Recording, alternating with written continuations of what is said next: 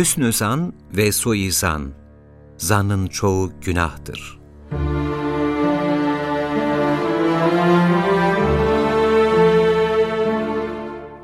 Ebu Hureyre'den Resulullah sallallahu aleyhi ve sellemin şöyle dediği nakledilmiştir.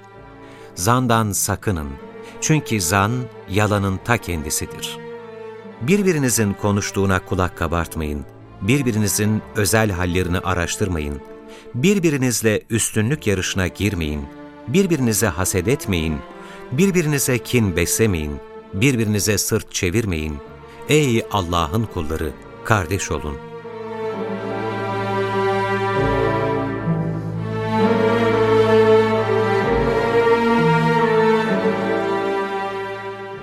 Kutlu Nebi adeti olduğu üzere Ramazan ayının son 10 gününü Medine mescidinde itikafla geçirmekteydi. Bir akşam vakti eşi Safiye binti Huyey mescide onu ziyarete gelir ve bir müddet konuşurlar. Hanımlarına nezaket ve saygıyı esirgemeyen Allah Resulü, evine gitmek için kalkan eşini uğurlamak için dışarı çıkar. Biraz yürüdükten sonra yanlarından iki kişi geçer. Resulullah'a selam verdikten sonra adımlarını hızlandırırlar. Bunun üzerine Allah Resulü, ağır olun, bu yanımda bulunan kadın yabancı değil, eşim Safiye binti Huyey'dir der. Hz. Peygamber'in böyle söylemesi onlara ağır gelir ve Sübhanallah, haşa biz senin hakkında başka türlü nasıl düşünebiliriz ey Allah'ın Resulü derler. Allah Resulü de onlara, şeytan insanın vücudunda kanın dolaştığı gibi dolaşır. Ben şeytanın sizin gönüllerinize kötü bir şüphe atmasından endişe ettim buyurur.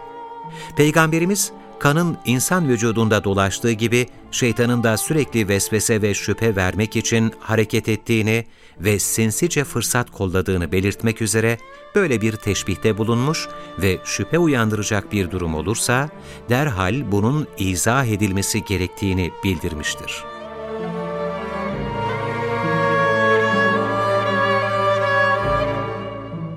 Bu konuda sahabenin yaşadığı bir olay şöyledir.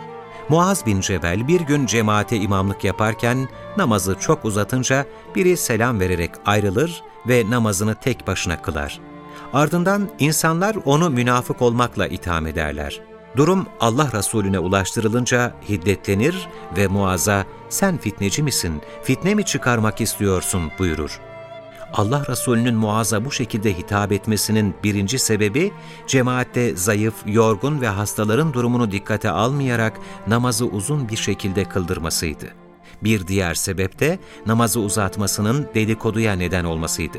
Çünkü bazı insanlar namazdan ayrılan kişinin hasta veya özürlü olduğunu ya da farklı bir mazeretinin bulunduğunu düşünmeden suizanda bulunarak onu nifakla suçlamışlardı. Başka bir münasebetle de Allah Resulü, yönetici halka suizanla davranırsa onları yoldan çıkarmış olur buyurarak kötü zannın insanları kötülük yapmaya yöneltebileceğine işaret etmiştir. Özellikle idareciler, birlikte çalıştıkları insanları suizanla değerlendirmeleri halinde onların farklı davranışları sergilemelerine neden olabilirler.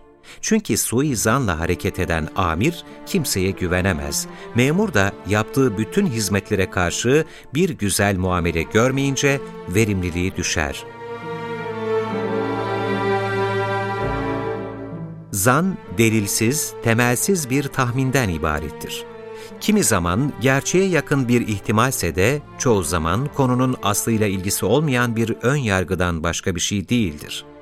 Tereddütle, şek ve şüpheyle kalbin meşgul edilmesi, oyalanmasıdır. İyimser olunmadığında ön yargıya neden olan, daha ileri boyutlarıyla kalpteki hastalıkları tetikleyen bir kuruntudur. Bu yüzden Allah Resulü zannın sürüklediği afetlere karşı insanları şöyle uyarmaktadır. Zandan sakının çünkü zan yalanın ta kendisidir. Birbirinizin konuştuğuna kulak kabartmayın, birbirinizin özel hallerini araştırmayın, birbirinize üstünlük yarışı içine girmeyin, birbirinize haset etmeyin, birbirinize kin beslemeyin, birbirinize sırt çevirmeyin. Ey Allah'ın kulları, kardeş olun.''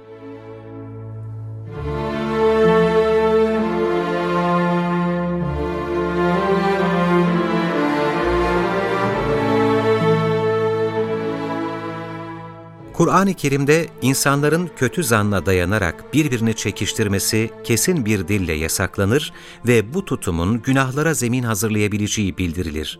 Zan, kötü düşünceye, ön yargılı bakış açısına, araştırmadan hüküm vermeye yol açar. Bu nedenle bazı rivayetlerde zanna kapılıp tereddüte düştüğünüz zaman o işi yapmayın denilmektedir. Kötü zan, insanı hatalı davranmaya sevk eder. Önemsenmeyerek kalbe ekilen suizan tohumunun meyveleri acıdır. Hem kişiyi hem de başkasını incitir. Bu hastalıktan korunmak için en başta gelen tedbir, insanların aklında soru işareti bırakacak, gönüllerine şüphe düşürecek, töhmete neden olacak durumlardan sakınmaktır. Bu yüzden Peygamberimiz, üç kişi iseniz, ikiniz diğerini bırakıp da fısıldaşmasın. Çünkü bu onu üzer tavsiyesinde bulunarak zan konusundaki hassasiyetini ortaya koymuştur.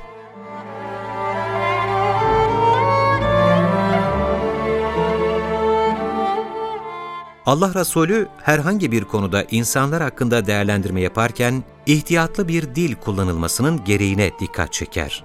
Nitekim huzurunda bir adamın arkadaşını fazlaca övmesi üzerine ona üç defa yazıklar olsun sana, adeta kardeşinin boynunu kesip kopardın. Sizden biriniz bir kimseyi illa met edecekse bari gördüğüm kadarıyla filancanın şöyle olduğunu sanıyorum. Ameline göre onu hesaba çekecekse Allah'tır.'' onun karşısında hiç kimseyi temize çıkarıp aklayamam desin. Bunu da o kimsenin halini öyle biliyorsa söylesin buyurmuştur. Başka bir zamanda bir sahabinin diğerine kendi zanına dayanarak o Allah ve Resulünü sevmeyen bir münafıktır demesine de müdahale etmiş ve sakın böyle deme. Görmüyor musun ki o la ilahe illallah diyor ve bununla Allah'ın rızasını talep ediyor buyurmuştur. Çünkü insanların ve meselelerin iç yüzünü ancak Allah bilir. İnsan herhangi bir zanna sahip olmakla birlikte buna dair kesin bir bilgiye sahip olmadıkça düşüncelerini fiiliyata dökmemelidir. Nitekim zannını içinde saklayıp ona dayanarak bir şey yapmadıkça kişi günahkar olmaz. Burada sakınılması gereken zan suizandır güzel düşünen kimsenin kalbine gelen düşüncelerse hüsnü zandır. İyiliğin emaresi olan hüsnü zan, iyimser olmak, kötü düşünceleri bertaraf etmektir. Hayır dilemek, hayra yormak, kişiler ve olaylar hakkında art niyetli olmamaktır. Müslümanın hayatında bu bakış açısı esas olmalıdır. Aksi ispatlanmadığı sürece hüsn-i zandan vazgeçilmemelidir.'' Yoksa insan hayatını, onurunu rencide edecek birçok olayın önüne geçilemez.''